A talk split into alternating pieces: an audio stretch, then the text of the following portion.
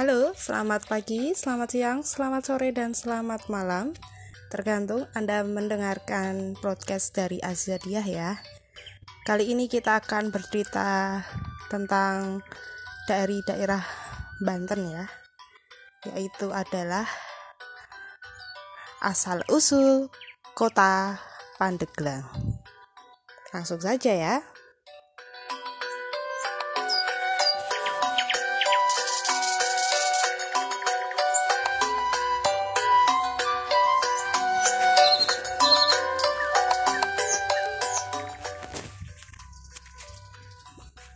Pada zaman dahulu, di sebuah kerajaan hiduplah seorang putri raja yang bernama Arum. Ia memiliki paras yang sangat cantik jelita. Banyak pangeran yang datang untuk menjadikannya permaisuri. Dari sekian banyak pangeran tersebut, dua orang pangeran teman persekuruan menginginkan putri Arum sebagai istrinya. Kedua pangeran tersebut bernama Pangeran Sai Baguslana dan Pangeran Chunihin. Keduanya memiliki kesaktian yang sama-sama tinggi, namun sifat mereka sangat berbeda. Pangeran Sai Baguslana memiliki sifat yang sangat baik hati, sedangkan Pangeran Cunihin sifatnya sangat tercela. Mengetahui perwatakan kedua pangeran tersebut, Putri Arum memilih Pangeran Sai Baguslana menerima kenyataan bahwa bukan dirinya yang dipilih Putri Arum, Pangeran Chunihin sangat marah. Karena rasa marah dan malu, ia pun menyusun rencana untuk mengambil kesaktian Pangeran Sai Baguslana. Dan untuk merebut Putri Arum, suatu hari ia pun berhasil melaksanakan niat jahatnya. Dengan kesaktian, ia merubah Pangeran Pandegelang menjadi seorang kakek tua yang sangat hitam dan jelek. Pangeran Sai Bagus Lana pun terkejut karena ia berubah menjadi seorang kakek tua. Ia pun akhirnya pergi menemui gurunya untuk meminta petunjuk. Gurunya pun memberikan saran Pangeran Sai Bagus membuat sebuah gelang besar yang bisa dilewati oleh manusia. Jika Pangeran Cunihin dapat melewati gelang tersebut, maka kesaktiannya akan hilang. Dan kesaktian Pangeran Sai Bagus Lana akan kembali dan berubah menjadi pangeran tampan. Setelah mendengar nasihat dari sang guru, ia pun segera pergi ke sebuah kampung untuk menjadi pembuat gelang. Sejak saat itulah Pangeran Sai Bagus Lana disebut dengan Ki Pande Gelang. Pada suatu hari di Bukit Manggis terlihat seorang putri yang sangat cantik duduk terpaku. Tatapan matanya kosong, ia terlihat sedih. Melihat gadis cantik tersebut tidak asing baginya. Ia adalah putri Arum yang sedang bersedih. Karena tidak mau menikah dengan Pangeran Cunihin yang terkenal kejam dan jahat, Ki Pande sangat senang melihat kekasihnya. Namun ia tidak dapat mengatakan yang sebenarnya siapa dirinya. Tuan Putri, sapa Pandi. Sang putri tidak menjawab. Dia sangat larut dalam kesedihannya, sehingga tak menyadari kehadiran kakek itu. Ki Pande pun mengulang sapaannya lagi. Tuan Putri, Sang putri tidak segera menjawab, ia hanya menoleh memperhatikan dengan penuh seksama lelaki yang berdiri di hadapannya. Kulit yang hitam legam, namun putri merasa yakin lelaki itu adalah lelaki baik. Saya perhatikan dari tadi Tuan Putri terlihat sangat sedih. Ada apa? Tanya Gipande. Saya memang sedang bersedih, namun tidak ada gunanya. Saya menceritakan masalah ini kepada orang lain. Jawab Putri Arum. Baiklah, Tuan Putri, maafkan saya. Saya telah mengganggumu dan ikut campur. Ujar lelaki tersebut. Ia pun bersiap untuk pergi. Namun tiba-tiba Putri Arum mencegahnya.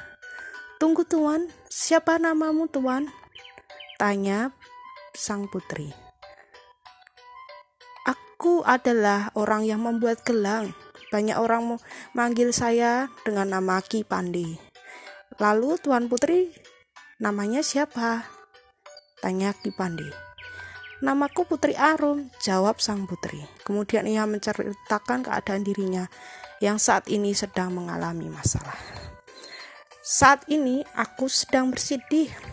Sebentar lagi aku akan dinikahkan dengan seorang pangeran yang tidak aku cintai.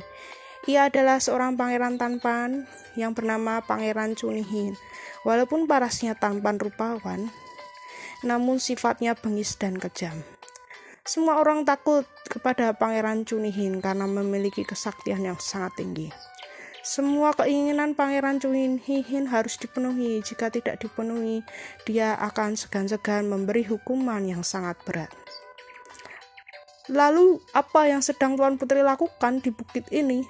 Tanya Ki Pande. Saat aku sedang meminta petunjuk dari Yang Maha Kuasa, aku diberi petunjuk agar menenangkan diri di Bukit Manggis. Kalau akan datang seorang pangeran sakti yang dapat menolongku. Tapi hingga kini pangeran itu tidak kunjung datang. Sebentar lagi pangeran Cunihin pasti akan datang ke istana untuk menikahiku. Jawab Putri Arum mengusap air matanya. Kipande mendengarkan cerita Putri Arum. Dia mengangguk-ngangguk tanda paham dengan keadaan yang melanda sang putri. Sebelumnya, maafkan hamba jika terlalu lancang. Namun, bolehkah hamba memberikan saran untuk masalah yang Tuan Putri hadapi? Silahkan Ki Pande. Terima kasih Putri, menurut hamba sebaiknya terima lamaran tersebut. Apa kau sudah gila Ki Pande? Aku harus menerima lamaran dari Pangeran Cunihin, lelaki yang aku benci. Tidak mau Ki Pande. Aku tidak mau diperistri oleh orang yang jahat, kata sang putri. Ki Pande sangat terkejut melihat kekasihnya marah, tapi dia berusaha tetap tenang. Tenanglah putri, saran saya, Tuan Putri terima lamaran itu, namun ajukan sebuah persyaratan. Syaratnya adalah Pangeran Cunihin harus melubangi batu keramat supaya bisa dilalui manusia. Katakan saja kepadanya, kalau batu keramat itu akan kalian gunakan untuk berbulan madu. Batu itu harus diselesaikan dalam waktu tiga hari dan diletakkan di pesisir pantai, ujar Kipande. Bukankah syarat itu sangat mudah dilakukan oleh Pangeran Cunihin? Tapi tidak semua orang mau melakukannya, sebab dengan melubangi batu keramat, setengah dari kemampuan orang tersebut akan hilang. Setelah kesaktian Pangeran Cunihin hilang, hamba akan melanjutkan rencana ini, kata Kipande. Mendengar penjelasan dari Kipande, Putri Arum pun akhirnya menyetujui saran yang diberikan tersebut. Kipande mengajak Putri Arum ke tempat tinggalnya. Tempat tinggal Kipande sangat jauh, butuh waktu yang cukup lama untuk sampai ke sana. Putri Arum yang tidak biasa berjalan jauh tampak sangat kelelahan. Sudah hampir setengah hari, mereka belum juga sampai. Tepat ketika sampai di desa tempat tinggal Kipande, Putri Arum jatuh pingsan di atas sebuah batu cadas. Para penduduk membantu Kipande menolong Putri Arum. Kipande membawa Putri Arum ke rumah salah seorang penduduk merawatnya dengan penuh kasih sayang. Salah seorang sepuh, sepuh kampung mengatakan bahwa Putri Arum bisa segera pulih jika minum air gunung yang memancar melalui batu cadas. Beberapa penduduk langsung mencari air sumber tersebut.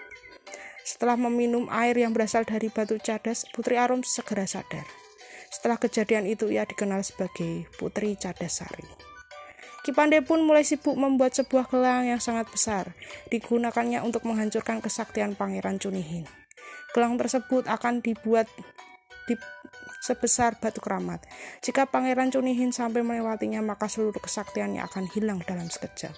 Karena kesaktian Pangeran Cunihin, ia dapat mengetahui bahwa Putri Arum berada di rumah Kipande. Pangeran Cunihin pun meng segera menemui Putri Arum untuk dijadikan sebagai istrinya. Akhirnya yang ditunggu-tunggu telah tiba. Putri Cadasari atau Arum mengajukan persyaratannya. Lalu Pangeran Cunihin pun menyanggupi persyaratan tersebut dengan sombong.